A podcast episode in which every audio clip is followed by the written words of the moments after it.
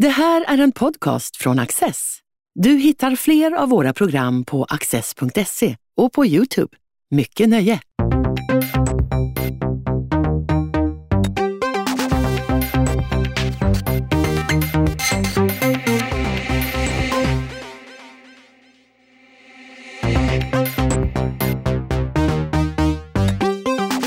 Lena Kåreland är professor emerita i litteraturvetenskap.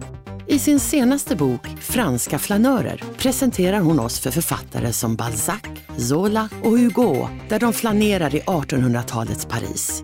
Flanörerna vandrar ensamma, studerar människor, bilder och ljud. De ser stadens fattigaste delar och de fina boulevarderna. Vad de ser återspeglas i deras dikter och romaner. Ja, det är en väldigt fascinerande bok som du har skrivit. Hur fick du idén till att göra det här? Ja, jag har ju alltid, eller väldigt länge, haft ett eh, intresse för Frankrike och fransk eh, kultur och inte minst eh, Paris. Jag läste ju franska på universitetet och jag har också vistats ganska mycket i Frankrike, bott i Paris några år. Och sen så är jag ju intresserad av fransk litteratur även om jag ju är litteraturvetare och håller på med mycket Alltså fransk litteratur är ju inte det som har varit mitt stora forskningsområde eller så. Men ehm, Ja, men just när man vandrar i Paris och så, man märker att så många romaner utspelar sig där och jag har ju också läst då en hel del skildringar om Paris.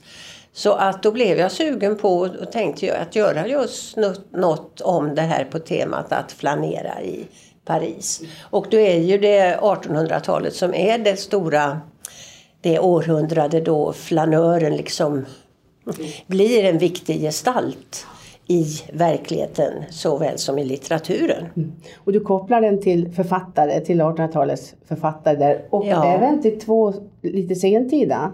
Jo, det var ju, tog ju lite tid innan jag bestämde mig för eh, vilka författare jag skulle ta upp i den här boken. Många, alltså 1800-talet var ju givet som decennium men eh, det är klart att flanerat har man väl alltid gjort och man flanerar väl än idag på olika sätt. Men det blev ju ett begrepp då på 1800-talet. Och, ehm, men sen så är ju till exempel då eh, Georges Simenon och hans Maigret-böcker och kommissarie Jules Maigret är ju en riktig Paris-flanör som, ja, som eh, betraktar sin stad promenerande. Så, och eh, Paris skildringar är ju insprängda i hans i Simenons böcker så det kändes svårt att hoppa över honom. Och likaså är ju Patrick Modiano också en författare där Paris på många sätt är huvudperson i hans böcker. Och det handlar ju om att utforska Paris minnen. Han söker ju ett svunnet Paris och det är ju mycket promenerande och, och gatunamn som droppar över sidorna i hans böcker. Så det var också svårt att eh, gå förbi honom när man gör en sån här bok. När man drar ut en tråd. Ska vi prata ja. lite grann om Paris först? För att, och, och 1800-talet. För man, jag tycker det är så fascinerande för dels har du ju fantastiska författare liksom, i boken. Men sen blir jag lite inspirerad av också alla de här industriutställningarna som var mm. där. Alltså att kulturen och industrin möttes. Det var på något sätt, vad, vad var Paris då? Ja, men man kan väl säga att Paris förändrades mycket också under 1800-talet och den blev ju successivt en världsmetropol då som eh, lockade till sig folk av alla slag. Och det är klart, ofta har man väl den här bilden att i Paris åker författare och konstnärer och så. Vi tänker på svenska konstnärer och författare som har dragit till Paris. Och det var ju i slutet av 1800-talet och väldigt mycket i början på 1900-talet också. Men Eh, du har ju rätt i det att, att eh, det fanns ju många som ville göra Paris till exempel till en eh, metropol i Europa. Det talade Victor Hugo om till exempel. Och man började ju med de här världsutställningarna eh, som kom ungefär vart tionde år och särskilt den som var 1889 då när det var hundra år efter franska revolutionen var ju väldigt stor och betydande men då var det ju väldigt mycket att man ville visa också tekniska och industriella framsteg och så. Och det är klart att Paris präglades ju också av industrialismens utveckling. De här stora järnvägsstationerna som vi känner till idag, de kom ju de flesta till på 1800-talet och det var ju också stort och betydde mycket också för litteraturen. Eller, ja, man fick bättre kommunikationer, man kunde transportera böcker och och så på ett annat sätt. Så att um, Paris kom ju i centrum i Europa på ett annat sätt än kanske andra huvudstäder.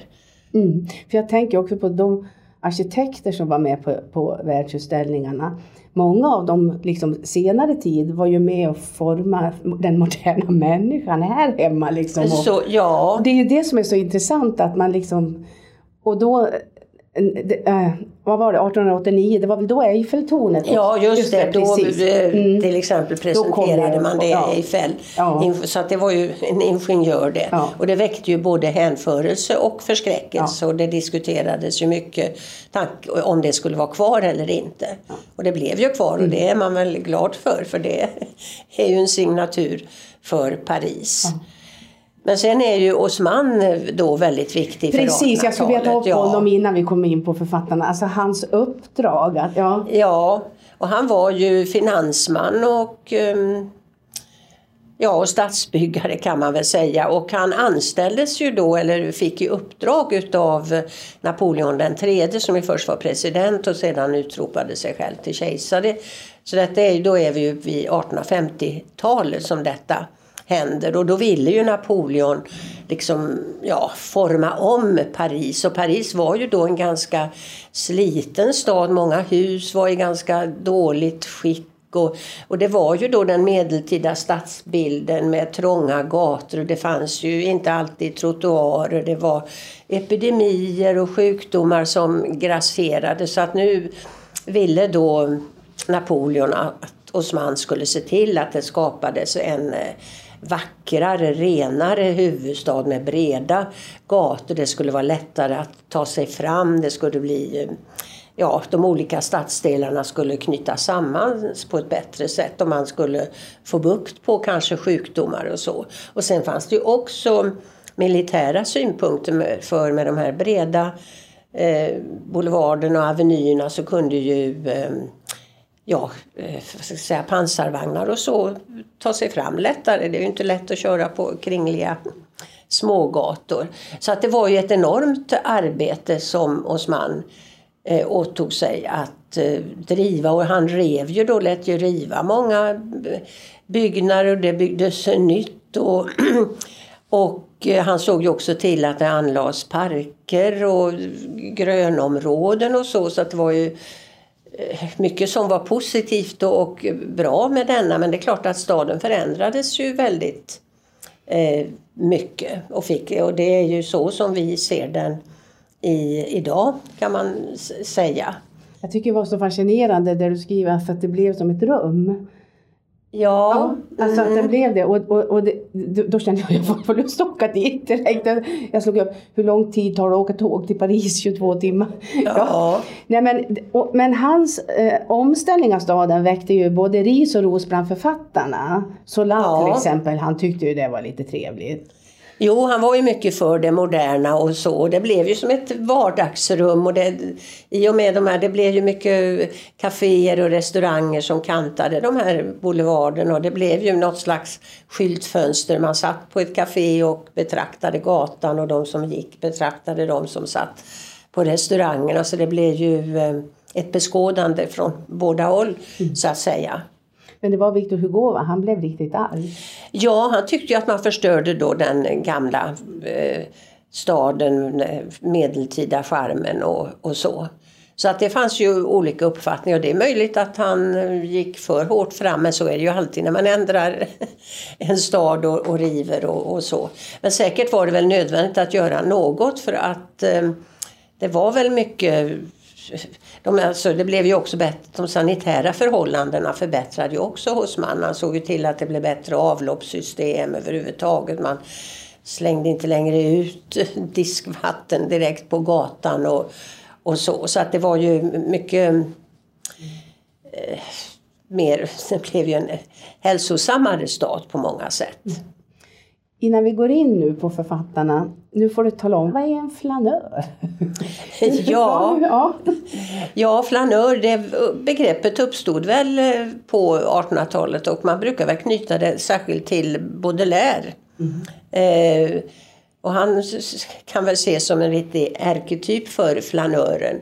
Och eh, ja, det är väl en som liksom vandrar fram i sakta mak, inte har något bestämt mål och, och som liksom fångar in stadens olika signaler och begrepp som smälter in i folkströmmen, blir en del av den men ändå på något sätt är ensam. Man planerar ju inte i grupp. Det är en ensam syssla på något sätt och man eh, har ju ofta då inte något bestämt mål utan man låter sig följas med och, och man eh, tar till sig intryck och, och, så. Och det är också sånt som Baudelaire skildrar i sina dikter hur han han möter en kvinnas blick och det ger ett starkt intryck. Och så en, i en dikt som heter Den som passerar. Så att det blir ju många, det ger upphov till både kortare och ja, kanske framförallt korta ögonblickliga mm. Mm. Eh, möten. Mm. Berätta lite mer om Baudelaire. Jag ja, tycker han är ganska fascinerande. Det är ju fascinerande och en ganska svårgripbar eh, författare också. Han är ju väldigt starkt förknippad med Paris och han, ehm, han, hans poesi är ju starkt knuten just till gatulivet, till boulevarderna, till kaféerna och, och så. Han vandrade och rörde sig mycket i Paris. Han flyttade mycket. Han var en orolig själ som aldrig kunde slå sig till ro. Han kände sig inte hemma någonstans. Och kanske var det därför han, mm. han var en, en flanör. Och han hade ju ofta, han dog ju utfattig. Han kom ju från en ganska välbeställd familj men eh, han eh, gjorde ju starkt slut på sitt fars arv och han hade en dålig relation till sig. Han fick en styvfar som han inte tyckte om. Så att eh, men, ehm, de ville inte att han skulle bli författare? Nej, det ville de, de inte heller. Iväg honom. Ja, just det. För de skickade iväg honom. Han skulle bort så han skulle ja, hålla på med annat. Han skulle ut, skickade iväg honom till sjöss men jag trodde att han kanske skulle avlida där eller komma på bättre tankar.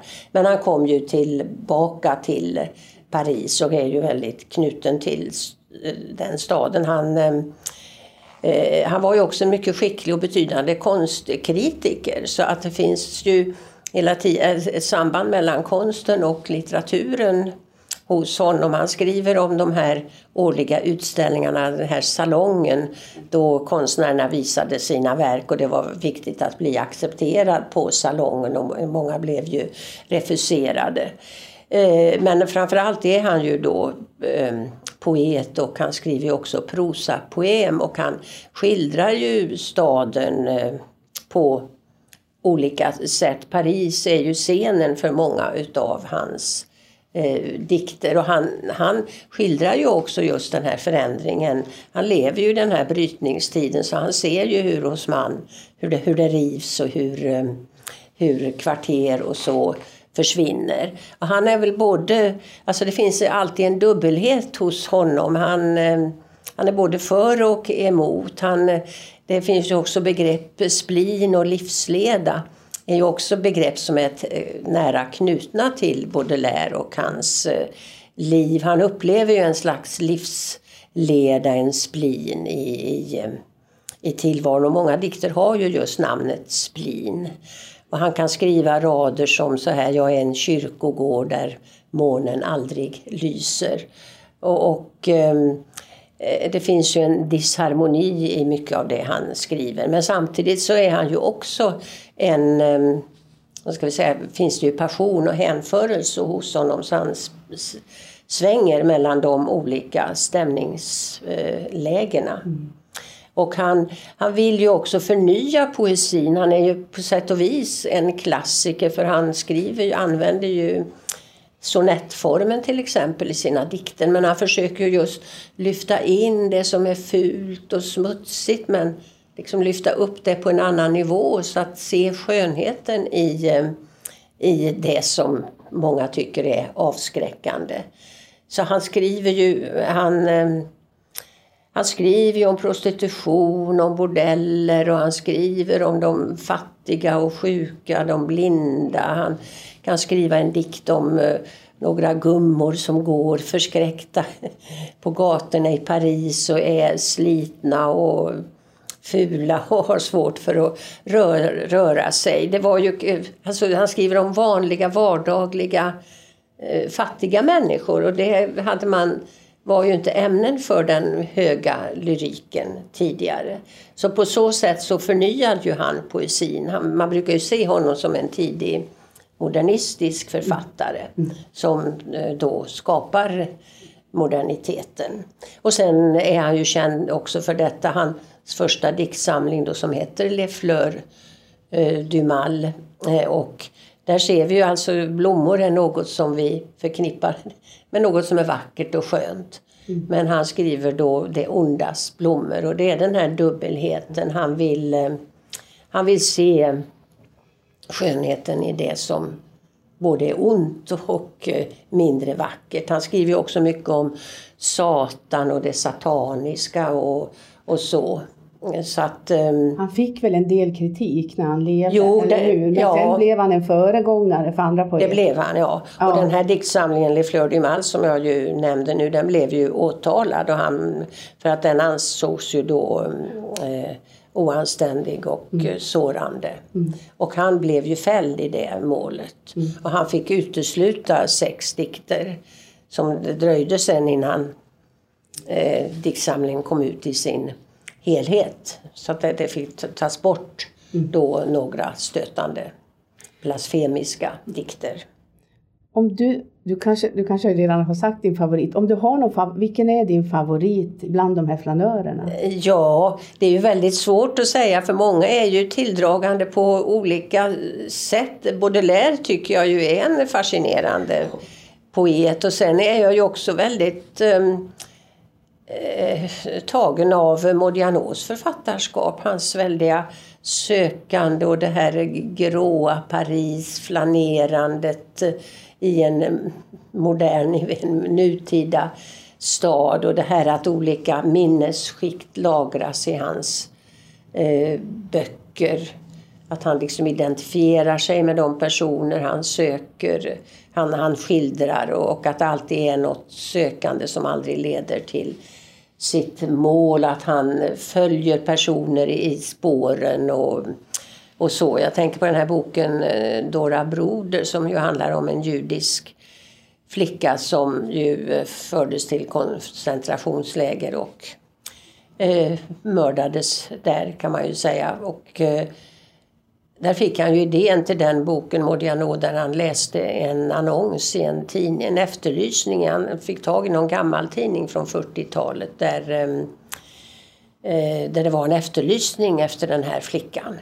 För att hon hade då försvunnit så att föräldrarna satte in en annons om om det kunde ges upplysningar om henne. Och det fascinerade honom så att han började då skaffa uppgifter och gå igenom register och så om den här familjen där både fadern och dottern eh, ja, försvann till koncentrationsläger. Men han försöker se var bodde de, vad hände eh, denna flicka. Hon vistades ett tag på en klosterskola och han söker upp de här kvarteren. Byggnaderna finns ju inte alltid kvar och, och um, han känner då att han man kan förnimma henne i vissa kvarter och så. Och hon blir ju, växer ju ut den här gestalten till en slags kollektiv gestalt. Så hon blir en bild för alla hemlösa människor som är på flykt, som är förföljda, som inte har sina papper i ordning, som inte kan visa upp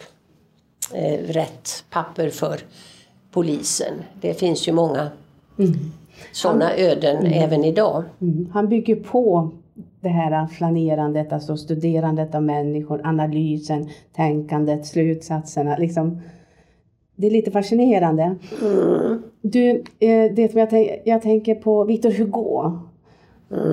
Um, han, han är ju känd och han har, det är för mycket av hans böcker som har blivit film ja, och, och alltihop det där. Men um, jag ser han lite grann som en opinionsbildare. Vad säger du?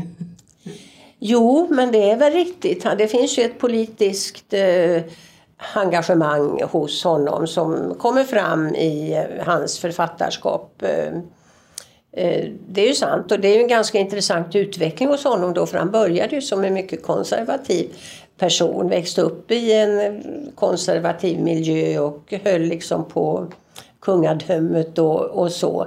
Men eh, när han, han ändrade ju sig och eh, blev ju eh, mycket radikal och en republikan som var för eh, republiken och så. Och han, eh, han försökte också, han, men han lyckades väl eh, han gjorde ju aldrig någon politisk karriär men han skrev ju då mm, kritiska artiklar så, så att han blev ju, han fick ju gå landsflykt när eh, då kejsar Napoleon den som Jaha, anställde hos Han tvingades alltså? Jag trodde han gick Ja, av nej men han blev väl, ja. han skulle väl satt i fängelse eller så. Han blev väl mer eller mindre landsförvisad. Mm. Så, och han ville ju, ja, och han ville ju själv inte heller bo i ett Frankrike som styrdes av denne kejsare som han så föraktade.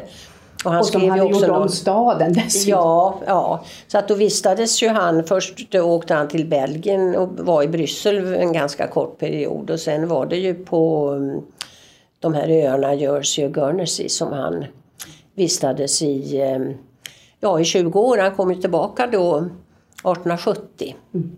När Frankrike blev republik och då det här kriget med Preussen mm. eh, bröt ut. Men han, har ju, han tog ju alltid de eh, svagaste, de smås eh, parti och det märker man ju i en bok som Les Misérables till exempel, Samhällets olycksbarn. Där skildrar han ju, det är ju inte så att det är någon agiterande eh, skildring direkt men i och med att han lyfter fram fattigdom och visar hur svårt många människor hade det så blir det ju ett sätt att föra deras eh, talan. Han är ju ingen revolutionär kanske men eh, han, eh, ja, han vill ju att samhället ska bli bättre. Och han är ju också emot dödsstraffet till exempel och det är ju ganska tidigt han skrev någon skrift där han propagerade för eller att dödsstraffet skulle, ja han tyckte det var fel. Mm. Och han, jag tänker också på ringaren i Notre Dame, alltså det är ju också en väldigt fascinerande historia. Jo, visst är det det. Och det är ganska, han skriver ju väldigt eh, tjocka, innehållsrika böcker och vi läser dem ju ofta. Kanske de har getts ut i många förkortade utgåvor och som du sa här, mm. det har ju filmats och mm. så. Vi har ju musikalen Les Misérables och så mm. som ju kanske är ganska långt bort från själva Eh, romanen som ju är väldigt eh, innehållsrik. Men eh, det är ju också eh, tragiska människoöden där i Ringaren av Notre Dame och inte minst då ringaren själv, denna vanskapta döva person som blir så förhånad och så men som Ja, och som ju är också, där har vi exempel på detta att vissa personer i de här böckerna jag skriver om är ju liksom väldigt tätt förknippade med sin stad. De är nästan ett med dem och eh, Quasimodo är ju då väldigt nära knuten till just Notre Dame. Eh, jag tänker, han var den enda, han fick en statsbegravning. Ja, det fick han. Han var den första då alltså i Franska republiken som fick, eh, som fick det. Och det blev ju ett sånt där enormt uppbåd med massor med människor som som följde kistan då som utgick, begravningsföljet utgick ju från eh, Triumfbågen mm. och drog sen genom staden. Mm. Om vi ska ta, om vi ska ta en till. Ja. ja. Vad säger du om Gustave Flaubert? Ja, det är ju, ja, alla är ju intressanta var och en på sitt sätt. Och jag Eller vill också, du ta någon annan? det, eh, eh, han är ju väldigt annorlunda då jämfört med Victor Hugo till mm. exempel och han var ju också mm, han var ju mera konservativ. Han var ju också lite så här lite melankolisk och dyster och tyckte att det fanns så mycket dumhet i, i, i världen.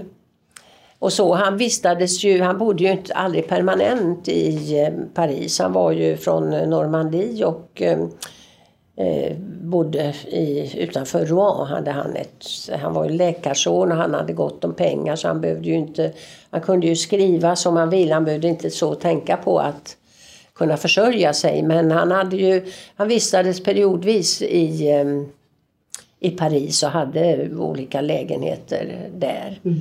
Och det är den roman som främst utspelar sig i Paris. Det är ju den som heter eh, eh, Hjärtats fostran heter den på svenska. L'éducation sentimentale.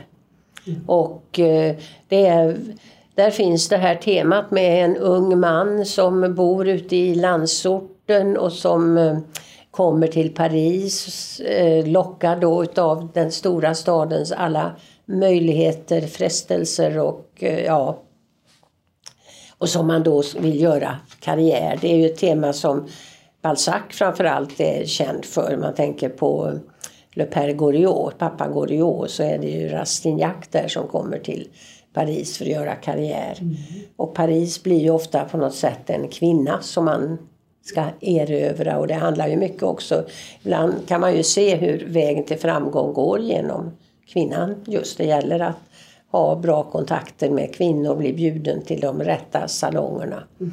Och så för att göra karriär och det skildrar ju Flaubert i eh, Hjärtats fostran. Mm. Men det är också en, en, ung man som eh, inte är lika målmedveten som Balzacs hjälte. Han eh, är då förälskad i en gift kvinna som är svår att nå och som han aldrig riktigt får, eller ja, han får ju kontakt med henne men det det är rätt så motigt och han eh, har många planer som han inte förverkligar. Han vill både skriva, han vill komponera musik, han vill måla. Och han, han flyter omkring i staden som en flanör och har sina kvinnorelationer och eh, sen upplever han också eh, då ett sånt här han upplever 1848s eh, revolution och barrikaderna och så som byggs. Så att det finns en skildring av, av detta i boken. Och där är han ju eh, hjälten en eh, iakttagare. Han är inte särskilt engagerad i skeendet. Och, eh, han har ingen sån här deciderad uppfattning om vad som sker. Han är en iakttagare. Mm. Jag tänkte vi skulle avsluta lite med Balzac. Han säger ju så här att um, flanörerna är Paris enda lyckliga människor. Ja. Det är... Vad skulle du säga? ja, det är ju lite... Han har många sådana här fina, tacksamma citat. Han verkar ju ha varit väldigt fäst vid sin stad och han skriver ju mycket om att han, han har nästan ett slags ägande tycker sig ha ett äganderätt till staden. Han skriver att ja, liksom Luxemburgträdgårdens tillhör honom och det, det, ja, han känner sig ett med staden. Men ehm, ja, det, ehm, det är klart att så är det ju inte. Man blir ju inte lycklig bara för att man är flanör. Men ehm, det, det är ju ganska tjusigt och det passar ju bra som, ja, för den här boken. Och Balzac var ju en väldigt hårt arbetande författare. Han eh, fick ju slita. Han hade inte vidare god ekonomi. Han var ju ständigt skuldsatt och flyttade ständigt till nya ställen för att just komma undan sina fordringsägare och han bytte namn och, och så. Det är kanske därför han säger så här då. Att, ja. att rädda sig själv lite grann, sin egen ja, sitt egen livssituation. Jo, då är det bra att vara ute och vandra. Då ja. är det ingen som får tag på en. Så det ligger något i, i det, det kan man säga. Mm. Mm. Tusen tack! Ja, tack själv!